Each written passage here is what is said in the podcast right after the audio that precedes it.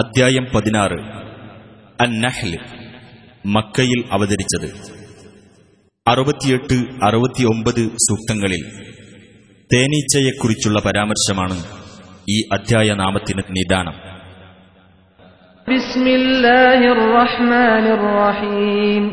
അതാ ഫലാ തസ്തഅജിലൂൻ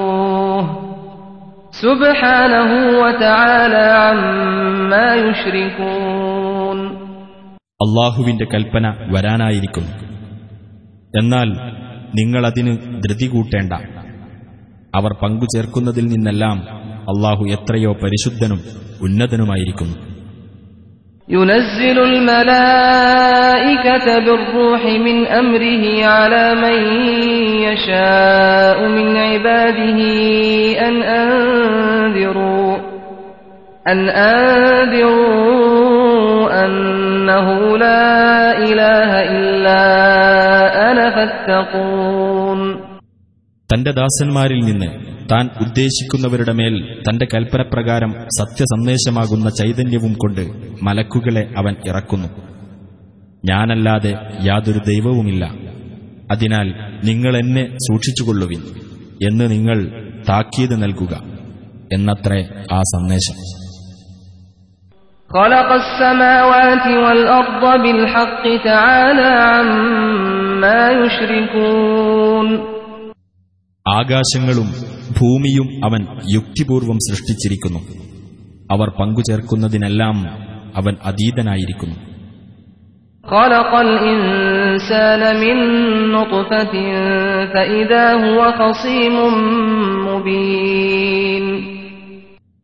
മനുഷ്യനെ അവൻ ഒരു ബീജകണത്തിൽ നിന്ന് സൃഷ്ടിച്ചു. എന്നിട്ട് അവനതാ വ്യക്തമായ എതിർപ്പുകാരനായിരിക്കുന്നു. والأنعام خلقها لكم فيها دفء ومنافع ومنها تأكلون കാലികളെയും അവൻ സൃഷ്ടിച്ചിരിക്കുന്നു നിങ്ങൾക്ക് അവയിൽ തണുപ്പകറ്റാനുള്ള കമ്പിളിയും മറ്റു പ്രയോജനങ്ങളുമുണ്ട് അവയിൽ നിന്നു തന്നെ നിങ്ങൾ ഭക്ഷിക്കുകയും ചെയ്യുന്നു ولكم فيها جمال حين تريحون وحين تسرحون നിങ്ങൾ വൈകുന്നേരം ആലയിലേക്ക് തിരിച്ചു കൊണ്ടുവരുന്ന സമയത്തും നിങ്ങൾ മേയാൻ വിടുന്ന സമയത്തും അവയിൽ നിങ്ങൾക്ക് കൗതുകമുണ്ട് وتحمل أثقالكم إلى بلد لم تكونوا بالغيه إلا بشق الأنفس إن ربكم لرؤوف رحيم ശാരീരിക ക്ലേശത്തോടുകൂടിയല്ലാതെ നിങ്ങൾക്ക് ചെന്നെത്താനാകാത്ത നാട്ടിലേക്ക് അവ നിങ്ങളുടെ ഭാരങ്ങൾ വഹിച്ചുകൊണ്ടു പോകുകയും ചെയ്യുന്നു തീർച്ചയായും നിങ്ങളുടെ രക്ഷിതാവ് ഏറെ ദയയുള്ളവനും കരുണാനിധിയുമാകുന്നു.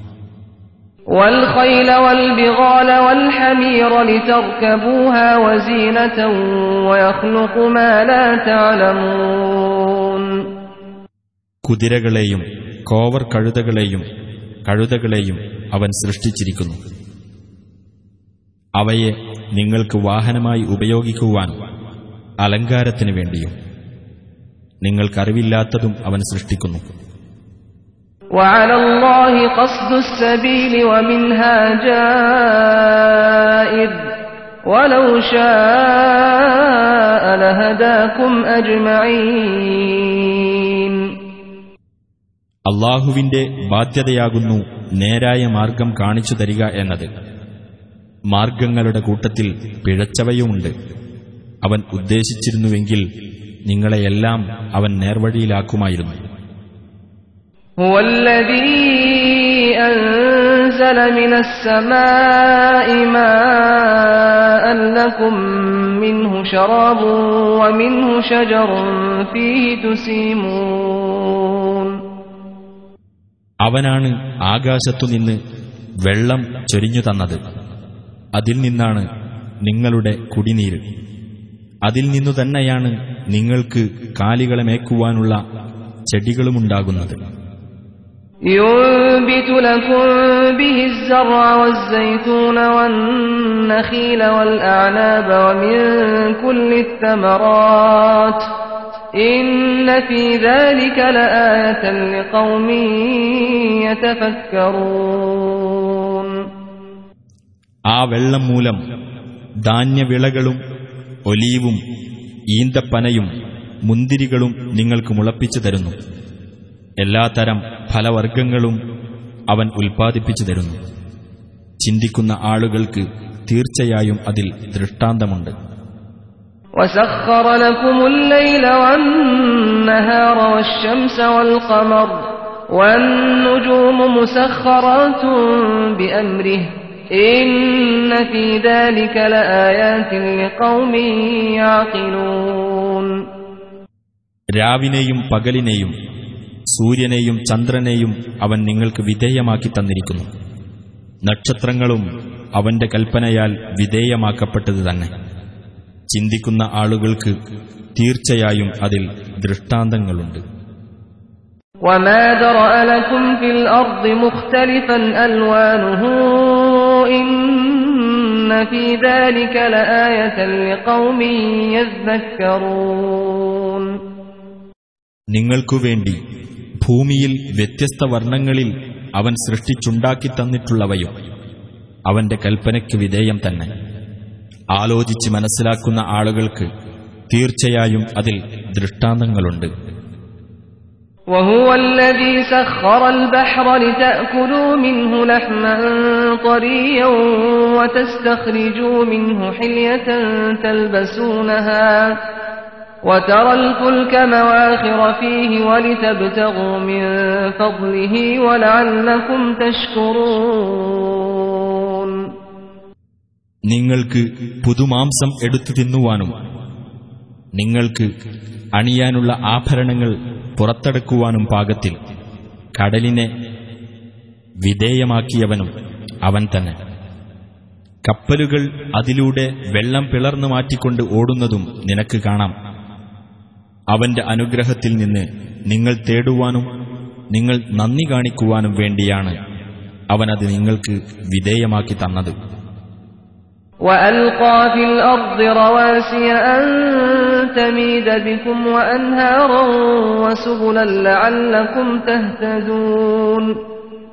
ഭൂമി നിങ്ങളെയും കൊണ്ട് ഇളകാതിരിക്കുവാനായി അതിൽ ഉറച്ചു നിൽക്കുന്ന പർവതങ്ങൾ അവൻ സ്ഥാപിച്ചിരിക്കുന്നു. നിങ്ങൾക്ക് വഴി കണ്ടെത്തുവാൻ വേണ്ടി നദികളും പാതകളും അവൻ ഏർപ്പെടുത്തുകയും ചെയ്തിരിക്കുന്നു.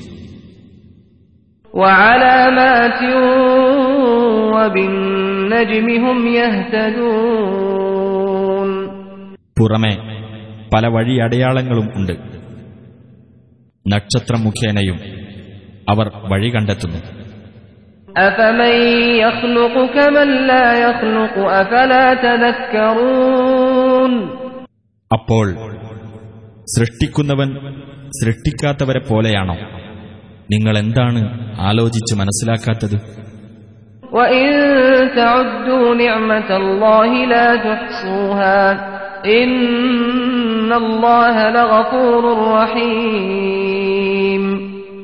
അള്ളാഹുവിന്റെ അനുഗ്രഹം നിങ്ങൾ എണ്ണുകയാണെങ്കിൽ നിങ്ങൾക്കതിന്റെ കണക്കെടുക്കാനാവില്ല. തീർച്ചയായും അള്ളാഹു ഏറെ പൊറുക്കുന്നവനും കരുണാനിധിയും തന്നെ والله يعلم ما تسرون وما تعلنون നിങ്ങൾ രഹസ്യമാക്കുന്നതും പരസ്യമാക്കുന്നതും അള്ളാഹു അറിയുന്നു والذين يدعون من دون الله لا يخلقون شيئا وهم يخلقون അള്ളാഹുവിന് പുറമെ നിങ്ങൾ ആരെയൊക്കെ വിളിച്ച് പ്രാർത്ഥിച്ചുകൊണ്ടിരിക്കുന്നുവോ അവർ യാതൊന്നും സൃഷ്ടിക്കുന്നില്ല. അവരാകട്ടെ സൃഷ്ടിക്കപ്പെടുന്നവരുമാണ്.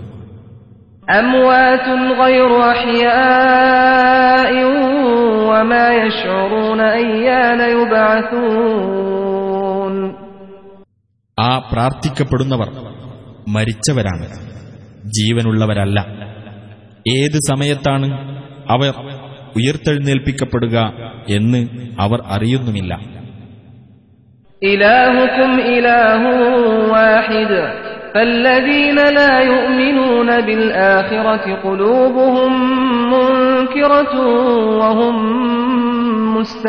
مستكبرون നിങ്ങളുടെ ദൈവം ഏകദൈവമത്രേ എന്നാൽ പരലോകത്തിൽ വിശ്വസിക്കാത്തവരാകട്ടെ അവരുടെ ഹൃദയങ്ങൾ നിഷേധ സ്വഭാവമുള്ളവയത്രേ അവർ അഹങ്കാരികളുമാകുന്നു لا جرم أن الله يعلم ما يسرون وما يعلنون إنه لا يحب المستكبرين അവർ രഹസ്യമാക്കുന്നതും പരസ്യമാക്കുന്നതും അള്ളാഹു അറിയുന്നു എന്നതിൽ യാതൊരു സംശയവുമില്ല അവൻ അഹങ്കാരികളെ ഇഷ്ടപ്പെടുകയില്ല തീർച്ച وإذا قيل لهم ماذا أنزل ربكم قالوا أساطير الأولين നിങ്ങളുടെ രക്ഷിതാവ് എന്താണ് അവതരിപ്പിച്ചിരിക്കുന്നത് എന്ന് അവരോട് ചോദിക്കപ്പെട്ടാൽ അവർ പറയും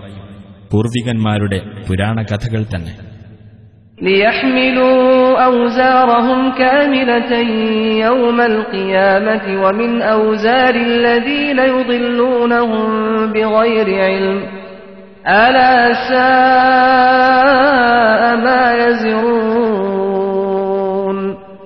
തങ്ങളുടെ പാപഭാരങ്ങൾ മുഴുവനായിട്ടും യാതൊരു വിവരവുമില്ലാതെ തങ്ങൾ ആരെയെല്ലാം വഴിപിഴപ്പിച്ചുകൊണ്ടിരിക്കുന്നുവോ അവരുടെ പാപഭാരങ്ങളിൽ ഒരു ഭാഗവും ഉയർത്തെഴുന്നേൽപ്പിന്റെ നാളിൽ അവർ വഹിക്കുവാനത്രേ അത് ഇടയാക്കുക ശ്രദ്ധിക്കുക അവർ പേറുന്ന ആ ഭാരം എത്ര മോശം قد مكر الذين من قبلهم فأتى الله بنيانهم من القواعد فخر عليهم السقف من فوقهم فخر عليهم السقف من فوقهم وأتاهم العذاب من حيث لا يشعرون അവരുടെ മുമ്പുള്ളവരും തന്ത്രം പ്രയോഗിച്ചിട്ടുണ്ട് അപ്പോൾ അവർ കെട്ടിപ്പൊക്കിയതിന്റെ അടിത്തറകൾക്ക് തന്നെ അള്ളാഹു നാശം വരുത്തി അങ്ങനെ അവരുടെ മുകൾ ഭാഗത്തു നിന്ന് മേൽക്കൂര അവരുടെ മേൽ പൊളിഞ്ഞു വീണു അവർ ഓർക്കാത്ത ഭാഗത്തുനിന്ന് ശിക്ഷ അവർക്ക് വരികയും ചെയ്തു ثم يوم القيامة يخزيهم ويقول أين شركائي الذين كنتم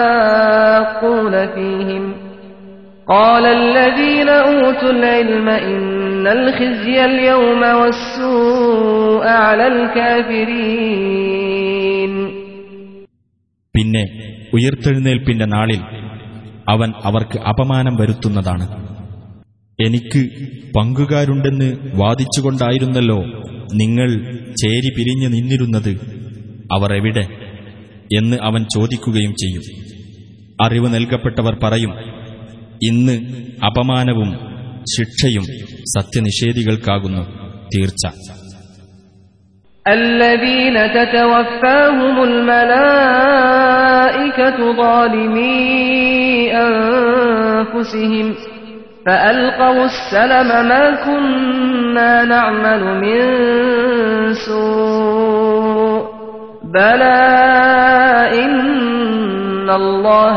عليم بما كنتم تعملون അതായത് അവരവർക്കു തന്നെ ദ്രോഹം ചെയ്തുകൊണ്ടിരിക്കെ മലക്കുകൾ ഏതൊരു കൂട്ടരുടെ ജീവിതം അവസാനിപ്പിക്കുന്നുവോ അവർക്ക് ഞങ്ങൾ യാതൊരു തിന്മയും ചെയ്തിരുന്നില്ല എന്ന് പറഞ്ഞുകൊണ്ട് അന്നേരം അവർ കീഴ്വണക്കത്തിന് സന്നദ്ധത പ്രകടിപ്പിക്കും അങ്ങനെയല്ല തീർച്ചയായും അള്ളാഹു നിങ്ങൾ പ്രവർത്തിച്ചു കൊണ്ടിരിക്കുന്നതിനെപ്പറ്റി അറിയുന്നവനാകുന്നു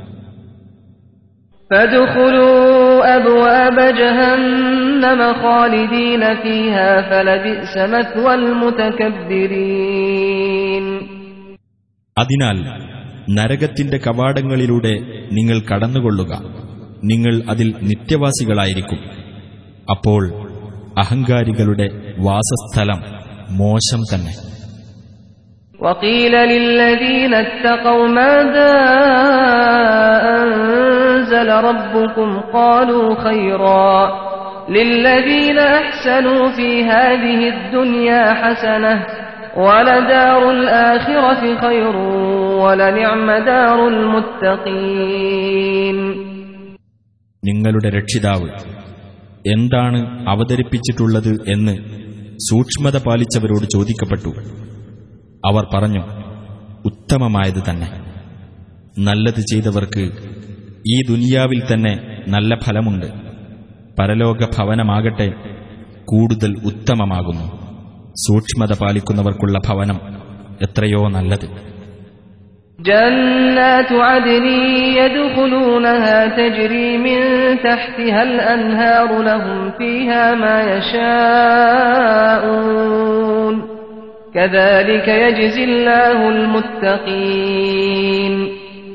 അതെ അവർ പ്രവേശിക്കുന്ന സ്ഥിരവാസത്തിനുള്ള സ്വർഗത്തോപ്പുകൾ അവയുടെ താഴ്ഭാഗത്തുകൂടി അരുവികൾ ഒഴുകിക്കൊണ്ടിരിക്കും.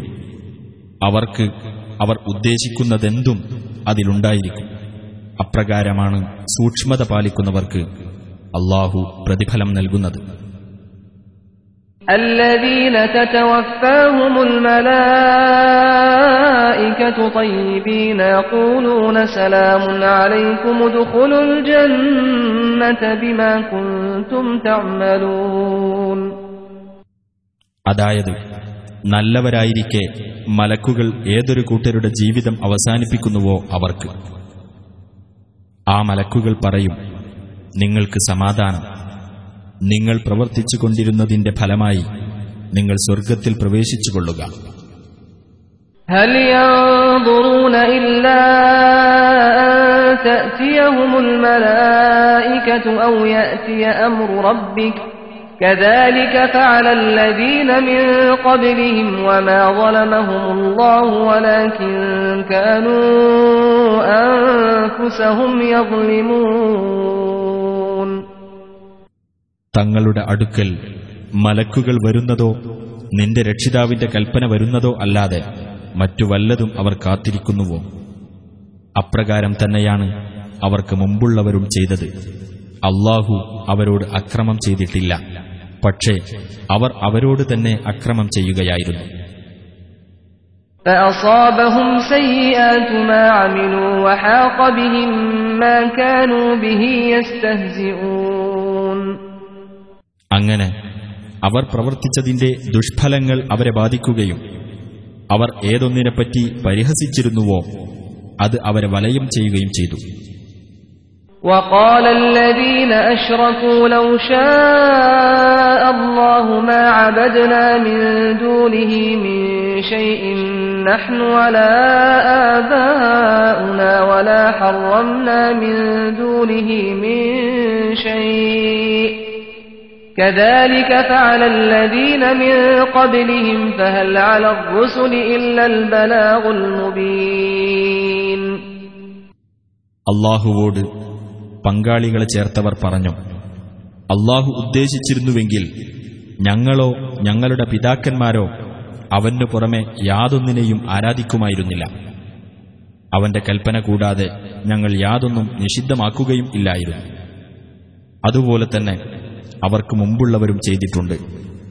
എന്നാൽ ദൈവദൂതന്മാരുടെ മേൽ സ്പഷ്ടമായ പ്രബോധനമല്ലാതെ വല്ല ബാധ്യതയുമുണ്ടോ ولقد بعثنا في كل أمة رسولا أن اعبدوا الله واجتنبوا الطاغوت فمنهم من هدى الله ومنهم من حقت عليه الضلالة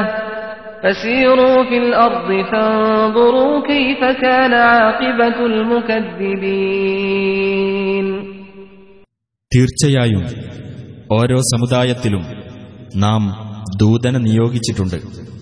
നിങ്ങൾ അള്ളാഹുവെ ആരാധിക്കുകയും ദുർമൂർത്തികളെ വെടിയുകയും ചെയ്യണം എന്ന് പ്രബോധനം ചെയ്യുന്നതിനു വേണ്ടി. എന്നിട്ടവരിൽ ചിലരെ അള്ളാഹു നേർവഴിയിലാക്കി. അവരിൽ ചിലരുടെ മേൽ വഴികേട് സ്ഥിരപ്പെടുകയും ചെയ്തു.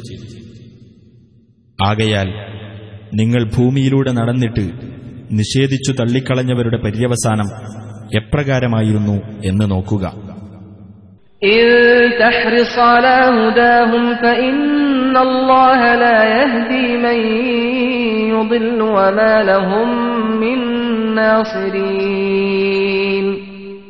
നബിയെ അവർ സന്മാർഗത്തിലായി തീരുവാൻ നീ കൊതിക്കുന്നുവെങ്കിൽ അത് വെറുതെയാകുന്നു കാരണം താൻ വഴികേടിലാക്കുന്നവരെ അള്ളാഹു നേർവഴിയിലാക്കുകയില്ല തീർച്ച അവർക്ക് സഹായികളായി ആരും ഇല്ലതാണ് وأقسموا بالله جهد أيمانهم لا يبعث الله من يموت بلى وعدا عليه حقا ولكن أكثر الناس لا يعلمون അവർ പരമാവധി ഉറപ്പിച്ച് സത്യം ചെയ്യാറുള്ള രീതിയിൽ അള്ളാഹുവിന്റെ പേരിൽ ആണയിട്ടു പറഞ്ഞു മരണപ്പെടുന്നവരെ അള്ളാഹു ഉയർത്തെഴുന്നേൽപ്പിക്കുകയില്ല എന്ന് അങ്ങനെയല്ല അത് അവൻ ബാധ്യതയേറ്റ സത്യവാഗ്ദാനമാകുന്നു പക്ഷേ മനുഷ്യരിൽ അധിക പേരും മനസ്സിലാക്കുന്നില്ല.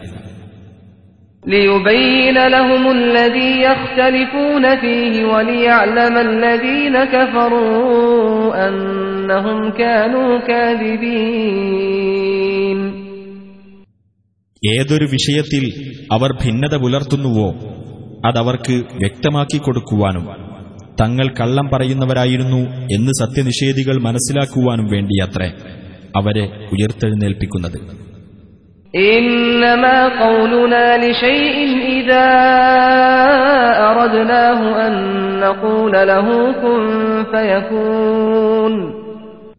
നാം ഒരു കാര്യം ഉദ്ദേശിച്ചാൽ അത് സംബന്ധിച്ച നമ്മുടെ വചനം ഉണ്ടാകൂ എന്ന് അതിനോട് നാം പറയുക മാത്രമാകുന്നു. അപ്പോഴതാ അതുണ്ടാകുന്നു. والذين هاجروا في الله من بعد ما ظلموا لنبوئنهم في الدنيا حسنة ولأجر الآخرة أكبر لو كانوا يعلمون അക്രമത്തിന് വിധേയരായതിനു ശേഷം അള്ളാഹുവിന്റെ മാർഗത്തിൽ സ്വദേശം വെടിഞ്ഞു പോയവരാരോ അവർക്ക് ഇഹലോകത്ത് നാം നല്ല താമസ സൗകര്യം ഏർപ്പെടുത്തി കൊടുക്കുക തന്നെ ചെയ്യും എന്നാൽ പരലോകത്തെ പ്രതിഫലം തന്നെയാകുന്നു ഏറ്റവും മഹത്തായത്. അവർ അത് അറിഞ്ഞിരുന്നുവെങ്കിൽ.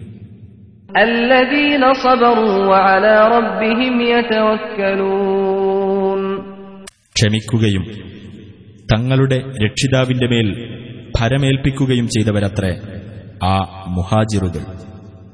وما أرسلنا من قبلك إلا رجالا نوحي إليهم فاسألوا أهل الذكر إن كنتم لا تعلمون നിനക്കു മുമ്പ് മനുഷ്യന്മാരെയല്ലാതെ നാം ദൂതന്മാരായി നിയോഗിച്ചിട്ടില്ല അവർക്കു നാം സന്ദേശം നൽകുന്നു നിങ്ങൾക്കറിഞ്ഞുകൂടെങ്കിൽ വേദം മുഖേന ഉത്ബോധനം ലഭിച്ചവരോട് നിങ്ങൾ ചോദിച്ചു നോക്കുക.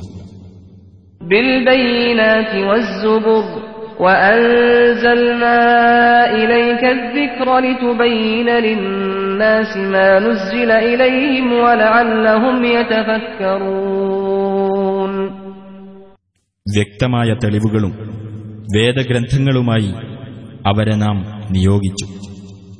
നിനക്ക് നാം ഉത്ബോധനം അവതരിപ്പിച്ചു തന്നിരിക്കുന്നു ജനങ്ങൾക്കായി അവതരിപ്പിക്കപ്പെട്ടത് നീ അവർക്ക് വിവരിച്ചു കൊടുക്കുവാൻ വേണ്ടിയും അവർ ചിന്തിക്കാൻ വേണ്ടിയും أفأمن الذين مكروا السيئات أن يقصف الله بهم الأرض أو يأتيهم العذاب من حيث لا يشعرون എന്നാൽ ദുഷിച്ച കുതന്ത്രങ്ങൾ പ്രയോഗിച്ചവർ അള്ളാഹു അവരെ ഭൂമിയിൽ ആഴ്ത്തിക്കളയുകയില്ലെന്നോ അവർ ഓർക്കാത്ത ഭാഗത്തുകൂടി ശിക്ഷ വരികയില്ലെന്നോ സമാധാനിച്ചിരിക്കുകയാണോ?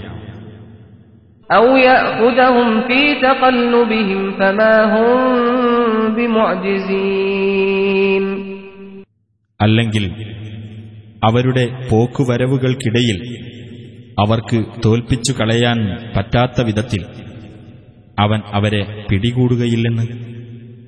أو يأخذهم على تخوف فإن ربكم لرؤوف رحيم അല്ലെങ്കിൽ അവർ ഭയപ്പെട്ടുകൊണ്ടിരിക്കെ അവരെ പിടികൂടുകയില്ലെന്ന് എന്നാൽ തീർച്ചയായും നിങ്ങളുടെ രക്ഷിതാവ് ഏറെ ദയയുള്ളവനും കരുണാനിധിയും തന്നെയാകുന്നു أولم يروا إلى ما خلق الله من شيء يتفيأ ظلاله عن اليمين والشمائل سجدا لله وهم داخرون അള്ളാഹു സൃഷ്ടിച്ചിട്ടുള്ള ഏതൊരു വസ്തുവിന്റെയും നേർക്ക് അവർ നോക്കിയിട്ടില്ലേ എളിയവരായിട്ടും അള്ളാഹുവിന് സുജൂത് ചെയ്തുകൊണ്ടും അതിന്റെ നിഴലുകൾ വലത്തോട്ടും ഇടത്തോട്ടും തിരിഞ്ഞുകൊണ്ടിരിക്കുന്നു.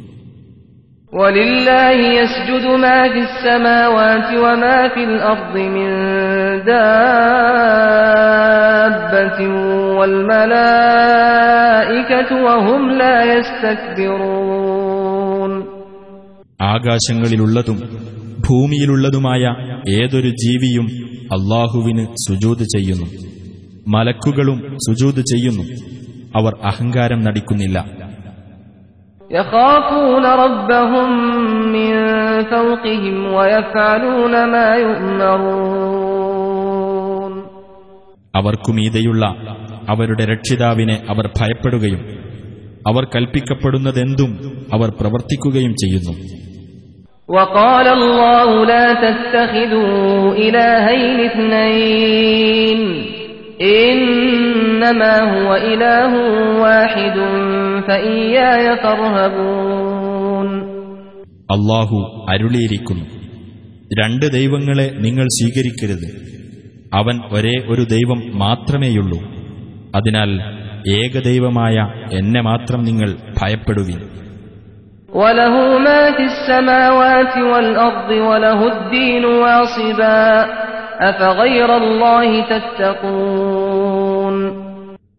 അവന്റേതാകുന്നു ആകാശങ്ങളിലുള്ളതും ഭൂമിയിലുള്ളതും. നിരന്തരമായിട്ടുള്ള കീഴ്വണക്കം അവന് മാത്രമാകുന്നു. എന്നിരിക്കെ അള്ളാഹു അല്ലാത്തവരോടാണോ നിങ്ങൾ ഭക്തി കാണിക്കുന്നത്? നിഅമത്തിൻ ثم إذا مسكم الضر فإليه تجأرون നിങ്ങളിൽ അനുഗ്രഹമായി എന്തുണ്ടെങ്കിലും അത് അള്ളാഹുവിങ്കിൽ നിന്നുള്ളതാകുന്നു എന്നിട്ട് നിങ്ങൾക്കൊരു കഷ്ടത ബാധിച്ചാൽ അവങ്കലേക്ക് തന്നെയാണ് നിങ്ങൾ മുറവിളി കൂട്ടി ചെല്ലുന്നത് ثم إذا كشف الضر عنكم إذا فريق منكم بربهم يشركون പിന്നെ നിങ്ങളിൽ നിന്ന് അവൻ കഷ്ടത നീക്കിത്തന്നാൽ നിങ്ങളിൽ ഒരു വിഭാഗമത തങ്ങളുടെ രക്ഷിതാവിനോട് പങ്കാളികളെ ചേർക്കുന്നു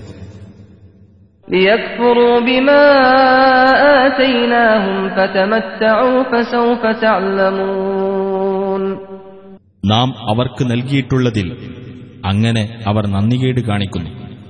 നിങ്ങൾ സൂക്ഷിച്ചുകൊള്ളുക. എന്നാൽ വഴിയെ നിങ്ങൾക്കറിയാം.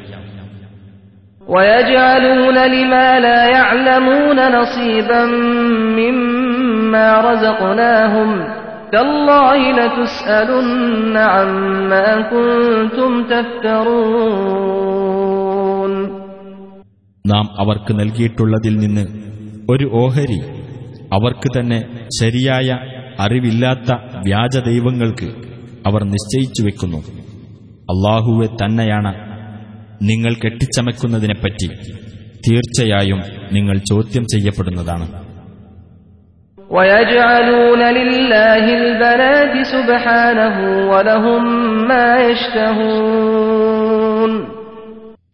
അള്ളാഹുവിന് അവർ പെൺമക്കളെ സ്ഥാപിക്കുന്നു. അവൻ എത്രയോ പരിശുദ്ധൻ അവർക്കാകട്ടെ അവർ ഇഷ്ടപ്പെടുന്ന ആൺമക്കളും وإذا بشر أحدهم بالأنثى ظل وجهه مسودا وهو كظيم അവരിൽ ഒരാൾക്ക് ഒരു പെൺകുഞ്ഞുണ്ടായ സന്തോഷവാർത്ത നൽകപ്പെട്ടാൽ കോപാകുലനായിട്ട് അവന്റെ മുഖം കറുത്തിരുണ്ടുപോകുന്നു يتوارى من القوم من سوء ما بشر به أيمسكه على هون أم يدسه في التراب ألا ساء ما يحكمون അവന് സന്തോഷവാർത്ത നൽകപ്പെട്ട ആ കാര്യത്തിലുള്ള അപമാനത്താൽ ആളുകളിൽ നിന്ന് അവൻ ഒളിച്ചുകളയുന്നു അപമാനത്തോടെ അതിനെ വെച്ചുകൊണ്ടിരിക്കണമോ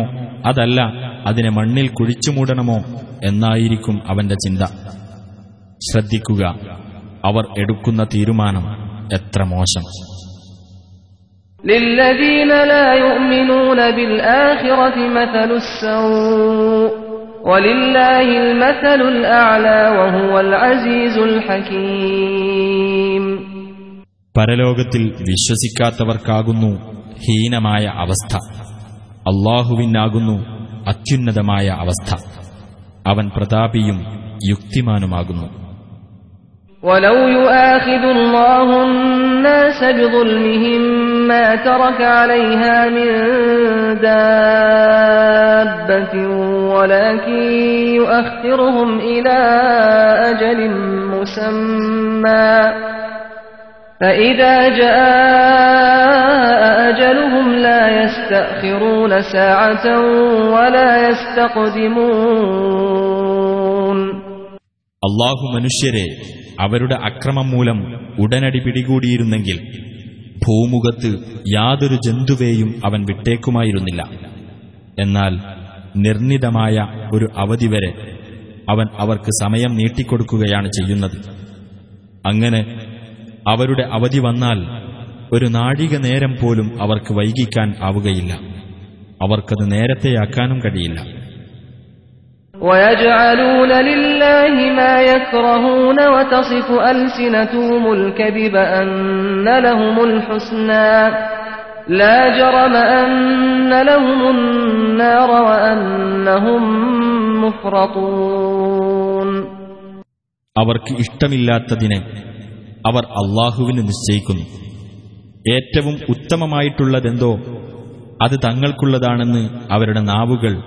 വ്യാജവർണ്ണന നടത്തുകയും ചെയ്യുന്നു ഒട്ടും സംശയമില്ല അവർക്കുള്ളത് നരകം തന്നെയാണ് അവർ അങ്ങോട്ട് മുമ്പിൽ നയിക്കപ്പെടുന്നതാണ് تالله لقد أرسلنا إلى أمم من قبلك فزين لهم الشيطان أعمالهم فزين لهم الشيطان أعمالهم فهو وليهم اليوم ولهم عذاب أليم അള്ളാഹുവെ തന്നെയാണ് നിനക്ക് മുമ്പ് പല സമുദായങ്ങളിലേക്കും നാം ദൂതന്മാരെ അയച്ചിട്ടുണ്ട് എന്നാൽ പിശാജ് അവർക്ക് അവരുടെ ദുഷ്പ്രവർത്തനങ്ങൾ അലങ്കാരമായി തോന്നിക്കുകയാണ് ചെയ്തത് അങ്ങനെ അവനാണ് ഇന്ന് അവരുടെ മിത്രം അവർക്കുള്ളതാകട്ടെ വേദനാജനകമായ ശിക്ഷയാണ് താൻ وما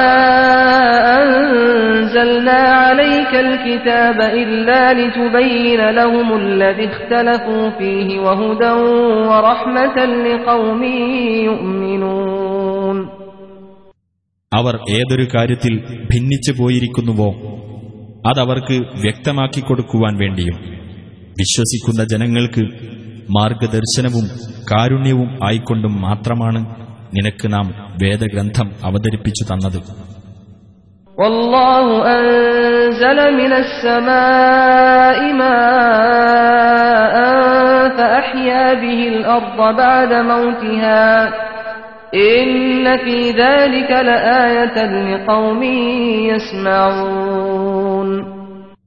അള്ളാഹു ആകാശത്തുനിന്ന് വെള്ളം ചൊരിഞ്ഞു തരികയും അതുമൂലം ഭൂമിയെ അത് നിർജീവമായി കിടന്നതിനു ശേഷം അവൻ സജീവമാക്കുകയും ചെയ്തു കേട്ട് മനസ്സിലാക്കുന്ന ആളുകൾക്ക് തീർച്ചയായും അതിൽ ദൃഷ്ടാന്തമുണ്ട് وإن لكم في الأنعام لعبرة نسقيكم مما في بطونه من بين فرث ودم لبنا خالصا سائغا للشاربين കാലികളുടെ കാര്യത്തിൽ തീർച്ചയായും നിങ്ങൾക്കൊരു പാഠമുണ്ട് അവയുടെ ഉദരങ്ങളിൽ നിന്ന് കാഷ്ടത്തിനും രക്തത്തിനും ഇടയിൽ നിന്ന് കുടിക്കുന്നവർക്ക് സുഖതമായ ശുദ്ധമായ പാൽ നിങ്ങൾക്ക് കുടിക്കുവാനായി നാം നൽകുന്നു ومن ثمرات النخيل والأعناب تتخذون منه سكرا ورزقا حسنا إن في ذلك لآية لقوم يعقلون ഈന്തപ്പനകളുടെയും മുന്തിരിവള്ളികളുടെയും ഫലങ്ങളിൽ നിന്നും നിങ്ങൾക്കു നാം പാനീയം നൽകുന്നു അതിൽ നിന്ന് ലഹരി പദാർത്ഥവും ഉത്തമമായ ആഹാരവും നിങ്ങൾ ഉണ്ടാക്കുന്നു ചിന്തിക്കുന്ന ജനങ്ങൾക്ക് തീർച്ചയായും അതിൽ ദൃഷ്ടാന്തമുണ്ട് وأوحى ربك إلى النحل أن اتخذي من الجبال بيوتا أن اتخذي من الجبال بيوتا ومن الشجر ومما يعرشون നിന്റെ നാഥൻ തേനീച്ചയ്ക്ക് ഇപ്രകാരം ബോധനം നൽകുകയും ചെയ്തിരിക്കുന്നു മലകളിലും മരങ്ങളിലും മനുഷ്യർ കെട്ടിയുയർത്തുന്നവയിലും നീ പാർപ്പിടങ്ങൾ ഉണ്ടാക്കിക്കൊള്ളുക ثم كلي من كل الثمرات فاسلكي سبل ربك ذللا يخرج من بطونها شراب مختلف ألوانه فيه شفاء للناس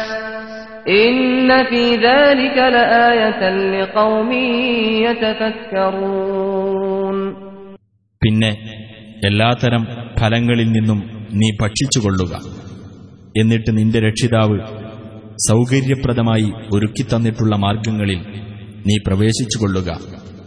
അവയുടെ ഉദരങ്ങളിൽ നിന്ന് വ്യത്യസ്ത വർണങ്ങളുള്ള പാനീയം പുറത്തുവരുന്നു. അതിൽ മനുഷ്യർക്ക് രോഗശമനം ഉണ്ട്.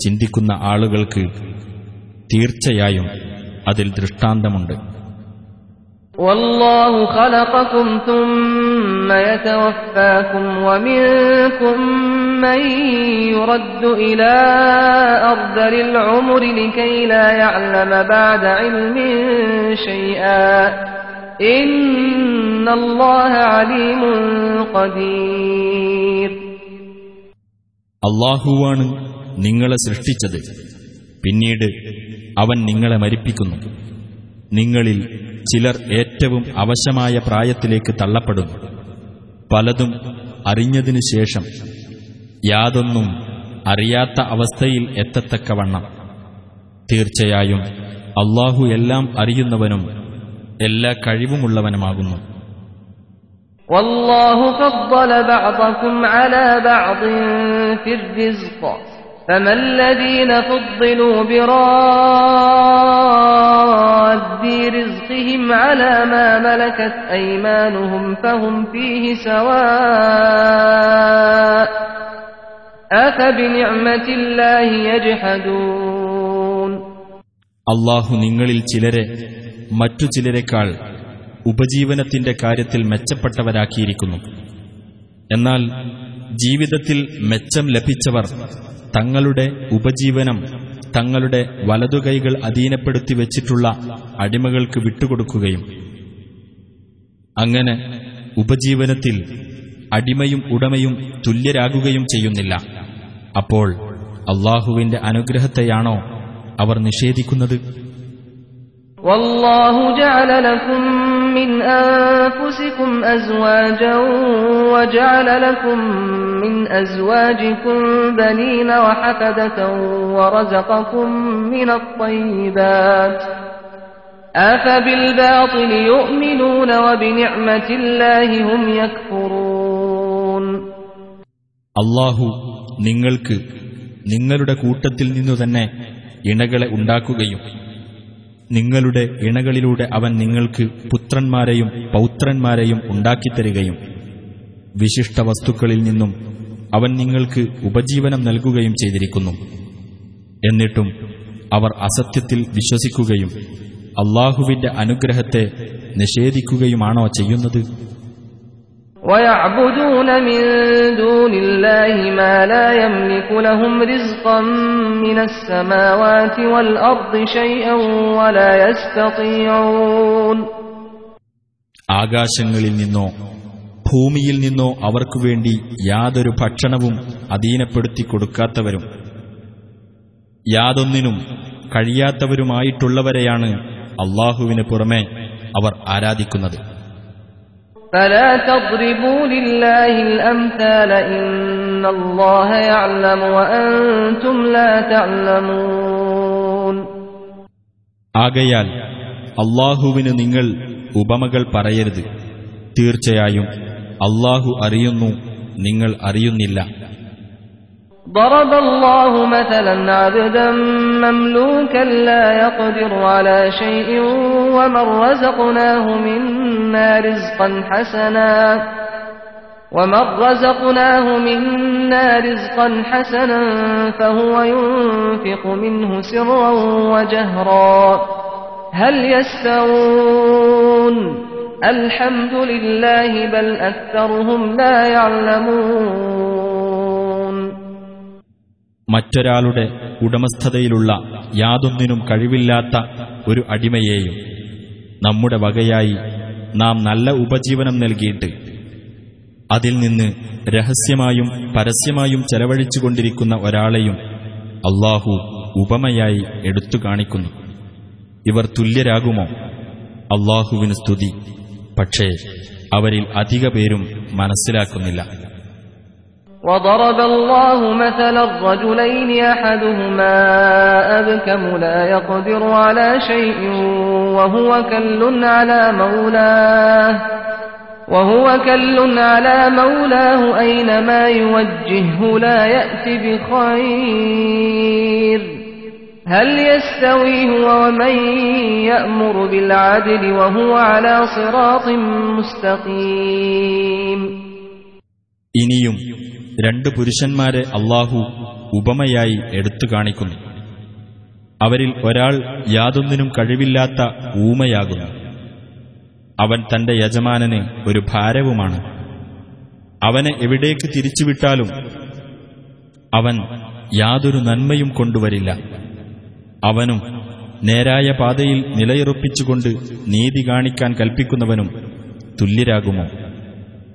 ولله غيب السماوات والأرض وما أمر الساعة إلا كلمح البصر أو هو أقرب إن الله على كل شيء قدير അള്ളാഹുവിനാണ് ആകാശങ്ങളിലെയും ഭൂമിയിലെയും അദൃശ്യജ്ഞാനമുള്ളത് അന്ത്യസമയത്തിന്റെ കാര്യം കണ്ണ് ഇമവെട്ടും പോലെ മാത്രമാകുന്നു അഥവാ അതിനേക്കാൾ വേഗത കൂടിയതാകുന്നു തീർച്ചയായും അള്ളാഹു ഏത് കാര്യത്തിനും കഴിവുള്ളവനാകുന്നു والله أخرجكم من بطون أمهاتكم لا تعلمون شيئا وجعل لكم السمع والأبصار والأفئدة لعلكم تشكرون നിങ്ങളുടെ മാതാക്കളുടെ ഉദരങ്ങളിൽ നിന്ന് നിങ്ങൾക്ക് യാതൊന്നും അറിഞ്ഞുകൂടാത്ത അവസ്ഥയിൽ അള്ളാഹു നിങ്ങളെ പുറത്തു കൊണ്ടുവന്നു നിങ്ങൾക്കവൻ കേൾവിയും കാഴ്ചകളും ഹൃദയങ്ങളും നൽകുകയും ചെയ്തു നിങ്ങൾ നന്ദിയുള്ളവരായിരിക്കാൻ വേണ്ടി ألم يروا إلى الطير مسخرات في جو السماء ما يمسكهن إلا الله إن في ذلك لآيات لقوم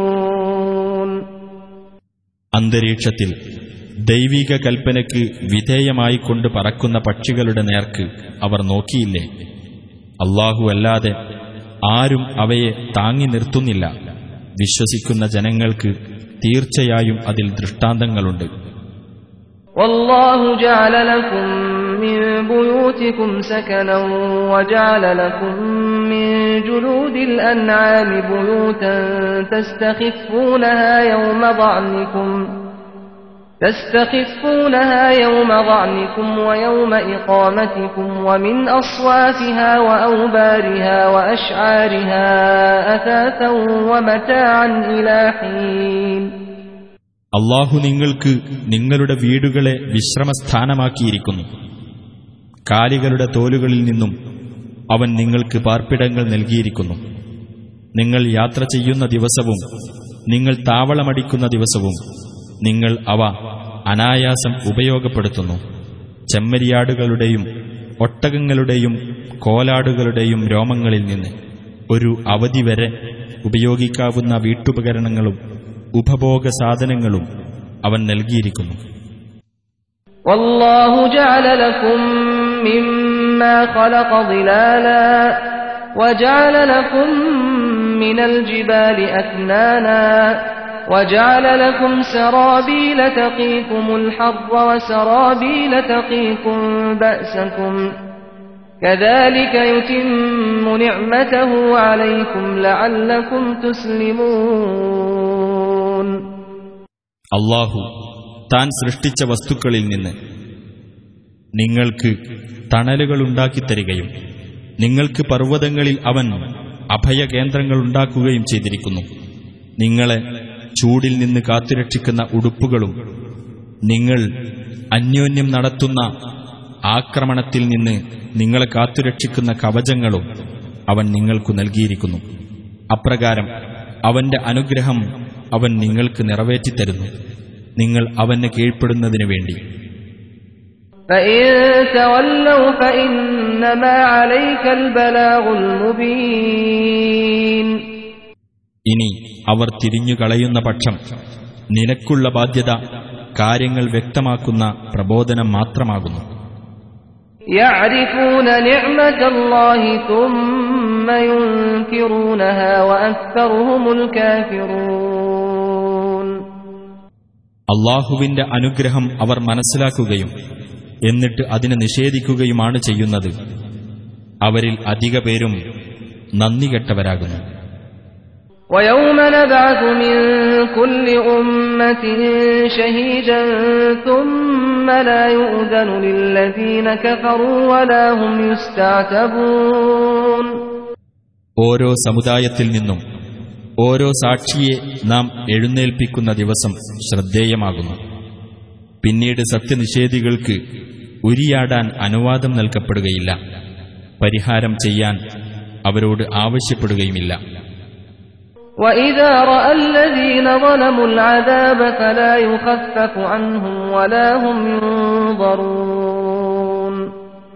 അക്രമം പ്രവർത്തിച്ചവർ ശിക്ഷ നേരിട്ട് കാണുമ്പോഴാകട്ടെ അതവർക്ക് ലഘൂകരിച്ചു കൊടുക്കപ്പെടുകയില്ല. അവർക്ക് ഇട നൽകപ്പെടുകയുമില്ല. وإذا رأى الذين أشركوا شركاءهم قالوا ربنا هؤلاء شركاؤنا الذين كنا هؤلاء شركاؤنا الذين كنا ندعو من دونك فألقوا إليهم القول إنكم لكاذبون അള്ളാഹുവോട് പങ്കുചേർത്തവർ തങ്ങൾ പങ്കാളികളാക്കിയിരുന്നവരെ പരലോകത്തു വെച്ച് കണ്ടാൽ ഇപ്രകാരം പറയും. ഞങ്ങളുടെ രക്ഷിതാവെ നിനക്കു പുറമെ ഞങ്ങൾ വിളിച്ചു പ്രാർത്ഥിക്കാറുണ്ടായിരുന്ന ഞങ്ങളുടെ പങ്കാളികളാണിവർ. അപ്പോൾ ആ പങ്കാളികൾ അവർക്ക് നൽകുന്ന മറുപടി തീർച്ചയായും നിങ്ങൾ കള്ളം പറയുന്നവരാകുന്നു എന്ന വാക്കായിരിക്കും. وألقوا إلى الله يومئذ السلم وضل عنهم ما كانوا يفترون ആ ദിവസം അവർ അർപ്പണം അള്ളാഹുവിന് നൽകുന്നതും അവർ കെട്ടിച്ചമച്ചുകൊണ്ടിരുന്നതെല്ലാം അവരെ വിട്ടുമാറിക്കളയുന്നതുമാണ് الذين كفروا وصدوا عن سبيل الله زدناهم عذابا فوق العذاب بما كانوا يفسدون അവിശ്വസിക്കുകയും അള്ളാഹുവിന്റെ മാർഗത്തിൽ നിന്ന് ആളുകളെ തടയുകയും ചെയ്തവരാരോ അവർക്ക് നാം ശിക്ഷയ്ക്കുമേൽ ശിക്ഷ കൂട്ടിക്കൊടുക്കുന്നതാണ് അവർ കുഴപ്പം സൃഷ്ടിച്ചുകൊണ്ടിരുന്നതിന്റെ ഫലമത്രേ അത് ويوم نبعث في كل أمة شهيدا عليهم من أنفسهم وجئنا بك شهيدا على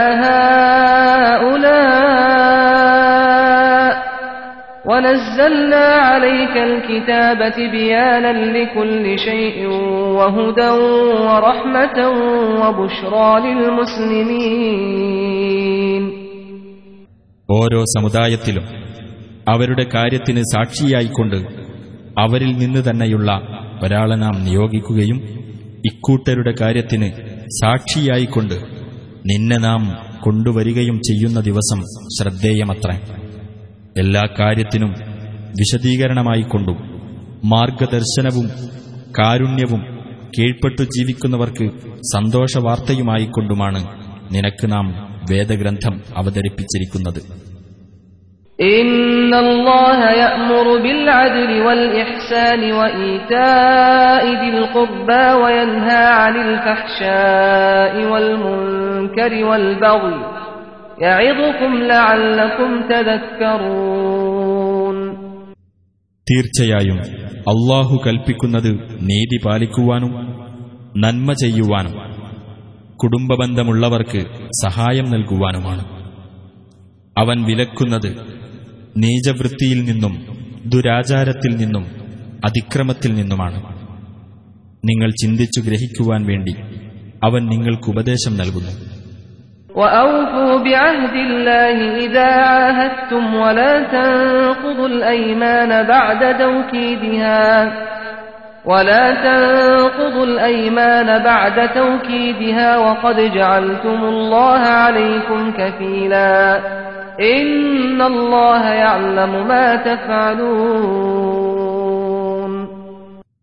നിങ്ങൾ കരാർ ചെയ്യുന്ന പക്ഷം അള്ളാഹുവിന്റെ കരാർ നിങ്ങൾ നിറവേറ്റുക. അള്ളാഹുവെ നിങ്ങളുടെ ജാമ്യക്കാരനാക്കിക്കൊണ്ട് നിങ്ങൾ ഉറപ്പിച്ചു സത്യം ചെയ്ത ശേഷം അത് ലംഘിക്കരുത്. തീർച്ചയായും അള്ളാഹു നിങ്ങൾ പ്രവർത്തിച്ചു കൊണ്ടിരിക്കുന്നത് അറിയുന്നു. ولا تكونوا كالتي نقضت غزلها من بعد قوة أنكاثا تتخذون أيمانكم دخلا بينكم أن تكون أمة هي أربى من أمة إنما يبلوكم الله به وليبينن لكم يوم القيامة ما كنتم فيه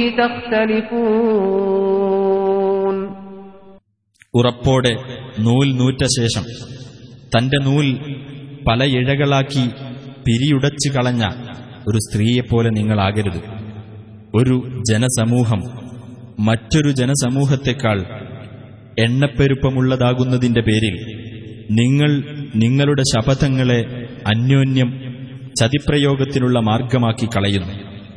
അതു മുഖേന അള്ളാഹു നിങ്ങളെ പരീക്ഷിക്കുക മാത്രമാണ് ചെയ്യുന്നത്.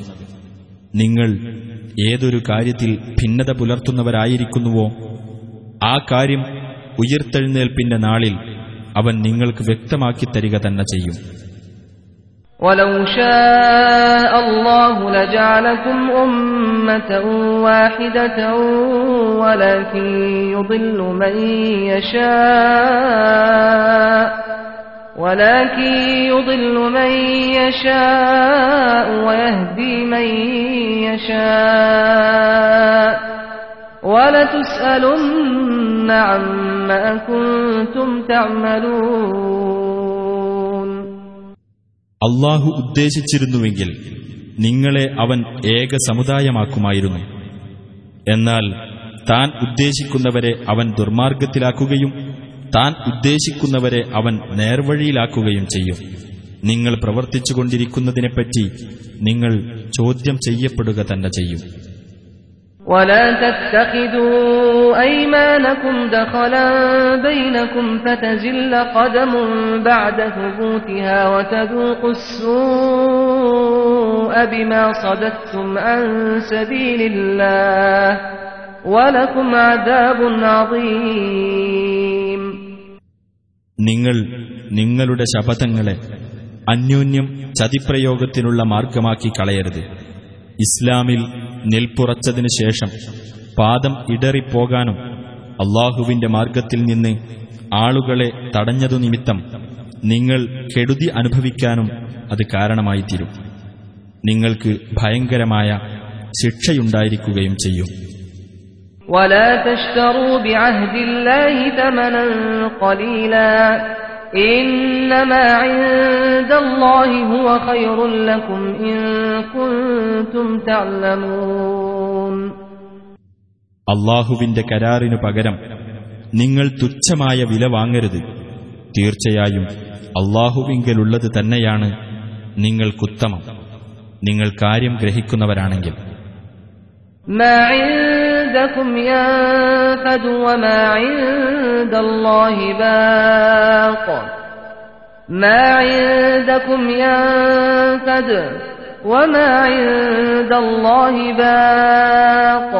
ما عندكم ينفد وما عند الله باق ما عندكم ينفد وما عند الله باق ولنجزين الذين صبروا أجرهم بأحسن ما كانوا يعملون നിങ്ങളുടെ അടുക്കലുള്ളത് തീർന്നുപോകും അള്ളാഹുവിങ്കലുള്ളത് അവശേഷിക്കുന്നതത്രേ ക്ഷമ കൈക്കൊണ്ടവർക്ക് അവർ പ്രവർത്തിച്ചുകൊണ്ടിരുന്നതിൽ ഏറ്റവും ഉത്തമമായതിന് അനുസൃതമായി അവർക്കുള്ള പ്രതിഫലം നാം നൽകുക തന്നെ ചെയ്യും من عمل صالحا من ذكر أو أنثى وهو مؤمن فلنحيينه.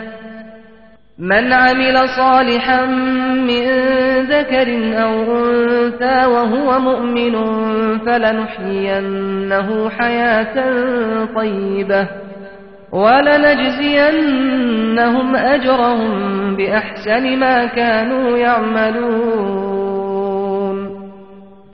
ഏതൊരു ആണോ പെണ്ണോ സത്യവിശ്വാസിയായിക്കൊണ്ട് സൽക്കർമ്മം പ്രവർത്തിക്കുന്ന പക്ഷം നല്ലൊരു ജീവിതം തീർച്ചയായും ആ വ്യക്തിക്ക് നാം നൽകുന്നതാണ്. അവർ പ്രവർത്തിച്ചുകൊണ്ടിരുന്നതിൽ ഏറ്റവും ഉത്തമമായതിന് അനുസൃതമായി അവർക്കുള്ള പ്രതിഫലം തീർച്ചയായും നാം അവർക്ക് നൽകുകയും ചെയ്യും. فإذا قرأت القرآن فاستعذ بالله من الشيطان الرجيم നീ ഖുർആൻ പാരായണം ചെയ്യുകയാണെങ്കിൽ ശപിക്കപ്പെട്ട പിശാചിൽ നിന്ന് അള്ളാഹുവോട് ശരണം തേടിക്കൊള്ളുക إنه ليس له سلطان على الذين آمنوا وعلى ربهم يتوكلون വിശ്വസിക്കുകയും തങ്ങളുടെ രക്ഷിതാവിന്റെ മേൽ ഭരമേൽപ്പിക്കുകയും ചെയ്യുന്നവരാരോ? അവരുടെ മേൽ ആ പിശാചിന് യാതൊരു അധികാരവുമില്ല. തീർച്ച.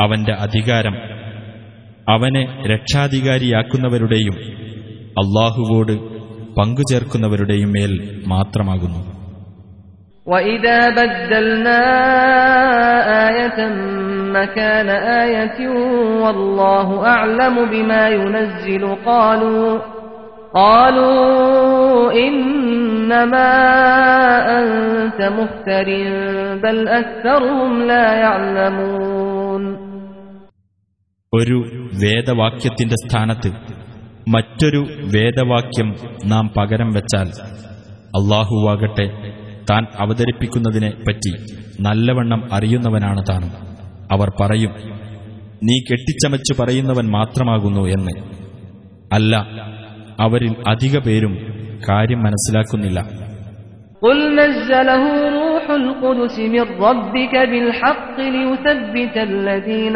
آمنوا وهدى وبشرى للمسلمين പറയുക വിശ്വസിച്ചവരെ ഉറപ്പിച്ചു നിർത്താൻ വേണ്ടിയും കീഴ്പ്പെട്ടു ജീവിക്കുന്നവർക്ക് മാർഗദർശനവും സന്തോഷവാർത്തയും ആയിക്കൊണ്ടും സത്യപ്രകാരം പരിശുദ്ധാത്മാവ് നിന്റെ രക്ഷിതാവിങ്കിൽ നിന്ന് അത് ഇറക്കിയിരിക്കുകയാണ് ولقد نعلم أنهم يقولون إنما يعلمه بشر لسان الذي يلحدون إليه أعجمي وهذا لسان عربي مبين ഒരു മനുഷ്യൻ തന്നെയാണ് നബിക്ക് പഠിപ്പിച്ചു കൊടുക്കുന്നത് എന്ന് അവർ പറയുന്നുണ്ടെന്ന് തീർച്ചയായും നമുക്കറിയാം അവർ ദുസ്സൂചന നടത്തിക്കൊണ്ടിരിക്കുന്നത് ഏതൊരാളെപ്പറ്റിയാണോ ആ ആളുടെ ഭാഷ അനറബിയാകുന്നു.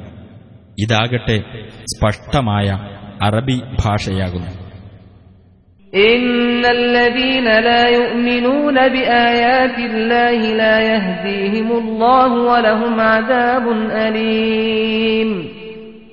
അള്ളാഹുവിന്റെ ദൃഷ്ടാന്തങ്ങളിൽ വിശ്വസിക്കാത്തവരാരോ?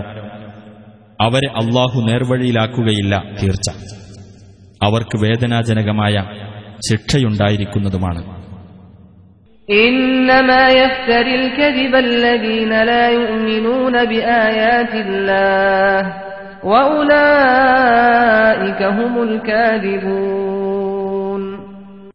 അള്ളാഹുവിന്റെ ദൃഷ്ടാന്തങ്ങളിൽ വിശ്വസിക്കാത്തവർ തന്നെയാണ് കള്ളം കെട്ടിച്ചമയ്ക്കുന്നത്. അവർ തന്നെയാണ് വ്യാജവാദികൾ. من كفر بالله من بعد إيمانه إلا من أكره وقلبه مطمئن بالإيمان ولكن من شرح بالكفر صدرا فعليهم غضب من الله ولهم عذاب عظيم വിശ്വസിച്ചതിനു ശേഷം അള്ളാഹുവിൽ അവിശ്വസിച്ചവരാരോ അവരുടെ മേൽ തങ്ങളുടെ ഹൃദയം വിശ്വാസത്തിൽ സമാധാനം പൂണ്ടതായിരിക്കെ നിർബന്ധിക്കപ്പെട്ടവരുടെ മേലല്ല പ്രത്യുത തുറന്ന മനസ്സോടെ അവിശ്വാസം സ്വീകരിച്ചവരാരോ അവരുടെ മേൽ അള്ളാഹുവിങ്കിൽ നിന്നുള്ള കോപമുണ്ടായിരിക്കും അവർക്ക് ഭയങ്കരമായ ശിക്ഷയുമുണ്ടായിരിക്കും ذلك بأنه مستحب الحياة الدنيا على الآخرة وأن الله لا يهدي القوم الكافرين അതെന്തുകൊണ്ടെന്നാൽ ഇഹലോക ജീവിതത്തെ പരലോക ജീവിതത്തെക്കാൾ കൂടുതൽ അവർ ഇഷ്ടപ്പെട്ടിരിക്കുന്നു അള്ളാഹുവാകട്ടെ സത്യനിഷേധികളായ ആളുകളെ നേർവഴിയിലാക്കുന്നതുമല്ല أولئك الذين طبع الله على قلوبهم وسمعهم وأبصارهم وأولئك هم الغافلون ഹൃദയങ്ങൾക്കും കേൾവിക്കും കാഴ്ചകൾക്കും അള്ളാഹു മുദ്രവച്ചിട്ടുള്ള ഒരു വിഭാഗമാകുന്നു അക്കൂട്ടർ അക്കൂട്ടർ തന്നെയാകുന്നു അശ്രദ്ധർ لا جرم أنهم في الآخرة هم الخاسرون ഒട്ടും സംശയമില്ല അവർ തന്നെയാണ് പരലോകത്ത് നഷ്ടക്കാർ ثم إن ربك للذين هاجروا من بعد ما فتنوا ثم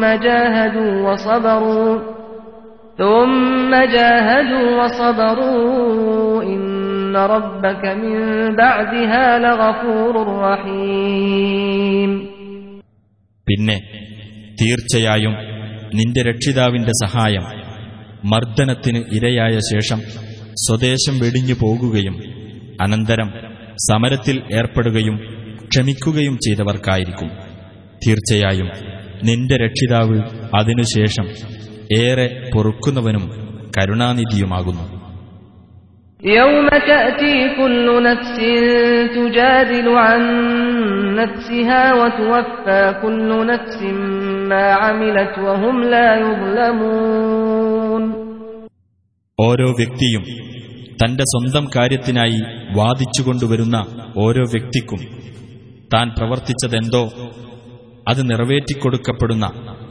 അവർ അനീതിക്ക് വിധേയരാകാത്ത ഒരു ദിവസത്തിൽ وضرب الله مثلا قرية كانت آمنة مطمئنة يأتيها رزقها رغدا من كل مكان. يأتيها رزقها رغدا من كل مكان فكفرت بأنعم الله فأذاقها الله لباس الجوع. فأذاقها الله لباس الجوع والخوف بما كانوا يصنعون അള്ളാഹു ഒരു രാജ്യത്തെ ഉപമയായി എടുത്തു കാണിക്കുകയാകുന്നു അത് സുരക്ഷിതവും ശാന്തവുമായിരുന്നു അതിലെ ആവശ്യത്തിനുള്ള ഭക്ഷണം എല്ലായിടത്തുനിന്നും സമൃദ്ധമായി അവിടെ എത്തിക്കൊണ്ടിരിക്കും എന്നിട്ട് ആ രാജ്യം അള്ളാഹുവിന്റെ അനുഗ്രഹങ്ങളെ നിഷേധിച്ചു അപ്പോൾ അവർ പ്രവർത്തിച്ചുകൊണ്ടിരുന്നത് നിമിത്തം വിശപ്പിന്റെയും ഭയത്തിന്റെയും ഉടുപ്പ് അള്ളാഹു ആ രാജ്യത്തിന് അനുഭവിക്കുമാറാക്കി ولقد جاءهم رسول منهم فكذبوه فأخذهم العذاب وهم ظالمون അവരുടെ കൂട്ടത്തിൽപ്പെട്ട ഒരു ദൂതൻ അവരുടെ അടുത്ത് ചെല്ലുകയുണ്ടായിട്ടുണ്ട്. അപ്പോൾ അവർ അദ്ദേഹത്തെ നിഷേധിച്ചു തള്ളിക്കളഞ്ഞു. അങ്ങനെ അവർ അക്രമകാരികളായിരിക്കെ ശിക്ഷ അവരെ പിടികൂടി.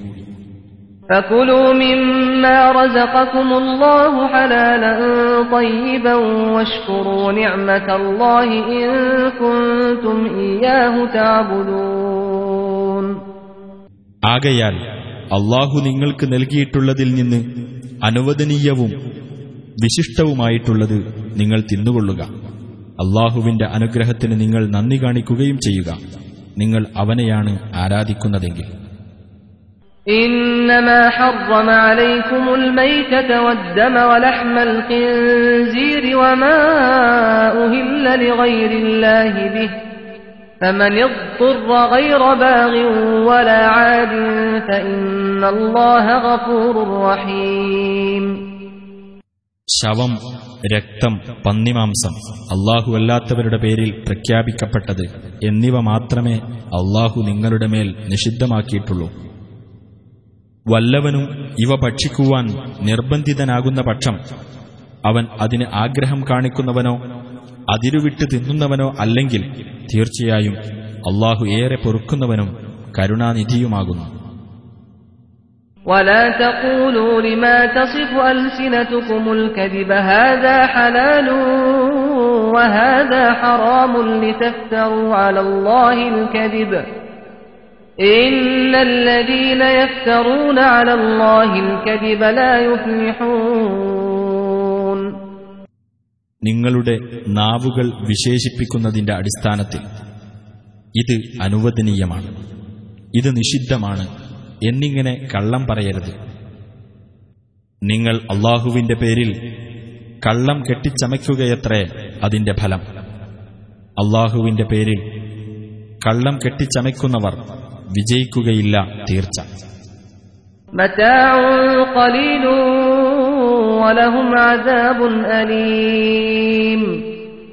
തുച്ഛമായ സുഖാനുഭവമാണ് ഇപ്പോൾ അവർക്കുള്ളത്. അവർക്ക് വരാനുള്ളതാകട്ടെ വേദനയേറിയ ശിക്ഷയും وعلى الذين هادوا حرمنا ما قصصنا عليك من قبل وما ظلمناهم ولكن كانوا أنفسهم يظلمون മുമ്പ് നാം നിനക്ക് വിവരിച്ചു തന്നവ ജൂതന്മാരുടെ മേൽ നാം നിഷിദ്ധമാക്കുകയുണ്ടായി നാം അവരോട് അനീതി ചെയ്തിട്ടില്ല. പക്ഷേ അവർ അവരോട് തന്നെ അനീതി ചെയ്യുകയായിരുന്നു.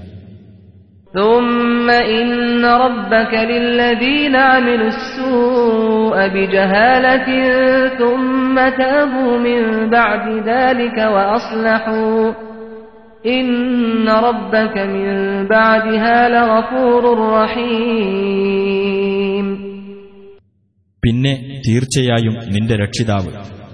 അവിവേകം മൂലം തിന്മ പ്രവർത്തിക്കുകയും പിന്നീട് അതിനുശേഷം ഖേദിച്ചു മടങ്ങുകയും ജീവിതം നന്നാക്കി തീർക്കുകയും ചെയ്തവർക്ക് വിട്ടുവീഴ്ച ചെയ്യുന്നവനാകുന്നു. തീർച്ചയായും നിന്റെ രക്ഷിതാവ് അതിനുശേഷം ഏറെ പൊറുക്കുന്നവനും കരുണാനിധിയുമാകുന്നു. إن إبراهيم كان أمة قانتا لله حنيفا ولم يك من المشركين തീർച്ചയായും ഇബ്രാഹിം അള്ളാഹുവിന് കീഴ്പ്പെട്ട് ജീവിക്കുന്ന നേർവഴിയിൽ വ്യതിചലിക്കാതെ നിലകൊള്ളുന്ന ഒരു സമുദായം തന്നെയായിരുന്നു അദ്ദേഹം ബഹുദൈവവാദികളിൽപ്പെട്ടവനായിരുന്നില്ല شاكرا لأنعمه اجتباه وهداه إلى صراط مستقيم അള്ളാഹുവിന്റെ അനുഗ്രഹങ്ങൾക്ക് നന്ദി കാണിക്കുന്നവനായിരുന്നു അദ്ദേഹം അദ്ദേഹത്തെ അവൻ തെരഞ്ഞെടുക്കുകയും നേരായ പാതയിലേക്ക് നയിക്കുകയും ചെയ്തു وآتيناه في الدنيا حسنة وإنه في الآخرة لمن الصالحين ഇഹലോകത്ത് അദ്ദേഹത്തിന് നാം നന്മ നൽകുകയും ചെയ്തിരിക്കുന്നു പരലോകത്താകട്ടെ തീർച്ചയായും അദ്ദേഹം സദ്വൃത്തരുടെ കൂട്ടത്തിലായിരിക്കും ثم أوحينا إليك أن اتبع ملة إبراهيم حنيفا وما كان من المشركين പിന്നീട് നേർവഴിയിൽ വ്യതിചലിക്കാതെ നിലകൊള്ളുന്നവനായിരുന്ന ഇബ്രാഹീമിന്റെ മാർഗത്തെ പിന്തുടരണം എന്ന് നിനക്ക് ഇതാ ബോധനം നൽകിയിരിക്കുന്നു അദ്ദേഹം ബഹുദൈവവാദികളിൽപ്പെട്ടവനായിരുന്നില്ല إنما جعل السبت على الذين اختلفوا فيه وإن ربك ليحكم بينهم يوم القيامة فيما كانوا فيه يختلفون ശബ്ബത്ത് ദിനാചരണം നിശ്ചയിക്കപ്പെട്ടിട്ടുള്ളത് അതിന്റെ കാര്യത്തിൽ ഭിന്നിച്ചു കഴിഞ്ഞിട്ടുള്ളവരാരോ അവരുടെ മേൽ തന്നെയാണ് അവർ ഭിന്നിച്ചിരുന്ന വിഷയത്തിൽ ഉയർത്തെഴുന്നേൽപ്പിന്റെ നാളിൽ തീർച്ചയായും നിന്റെ രക്ഷിതാവ് അവർക്കിടയിൽ തീർപ്പ് കൽപ്പിക്കുക തന്നെ ചെയ്യും.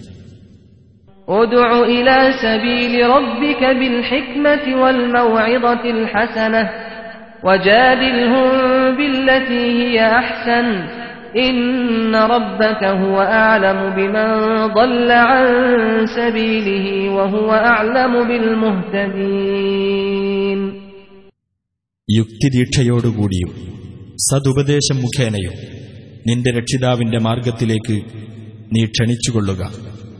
ഏറ്റവും നല്ല രീതിയിൽ അവരുമായി സംവാദം നടത്തുകയും ചെയ്യുക. തീർച്ചയായും നിന്റെ രക്ഷിതാവ് തന്റെ മാർഗം വിട്ട് പിഴച്ചുപോയവരെപ്പറ്റി നല്ലവണ്ണം അറിയുന്നവനത്രേ.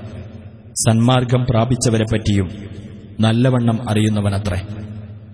وإن عاقبتم فعاقبوا بمثل ما عوقبتم به ولئن صبرتم لهو خير للصابرين നിങ്ങൾ ശിക്ഷാ നടപടി സ്വീകരിക്കുകയാണെങ്കിൽ എതിരാളികളിൽ നിന്ന് നിങ്ങളുടെ നേരെയുണ്ടായ ശിക്ഷാ നടപടിക്ക് തുല്യമായ നടപടി നിങ്ങൾ സ്വീകരിച്ചുകൊള്ളുക നിങ്ങൾ ക്ഷമിക്കുകയാണെങ്കിലോ അതുതന്നെയാണ് ക്ഷമാശീലർക്ക് കൂടുതൽ ഉത്തമം واصبر وما صبرك إلا بالله ولا تحزن عليهم ولا تك في ضيق مما يمكرون നീ ക്ഷമിക്കുക അള്ളാഹുവിന്റെ അനുഗ്രഹത്താൽ മാത്രമാണ് നിനക്ക് ക്ഷമിക്കാൻ കഴിയുന്നത് ആ സത്യനിഷേധികളുടെ പേരിൽ നീ വ്യസനിക്കരുത് അവർ കുതന്ത്രം പ്രയോഗിക്കുന്നതിനെപ്പറ്റി നീ മനക്ലേശത്തിലാവുകയും ചെയ്യരുത്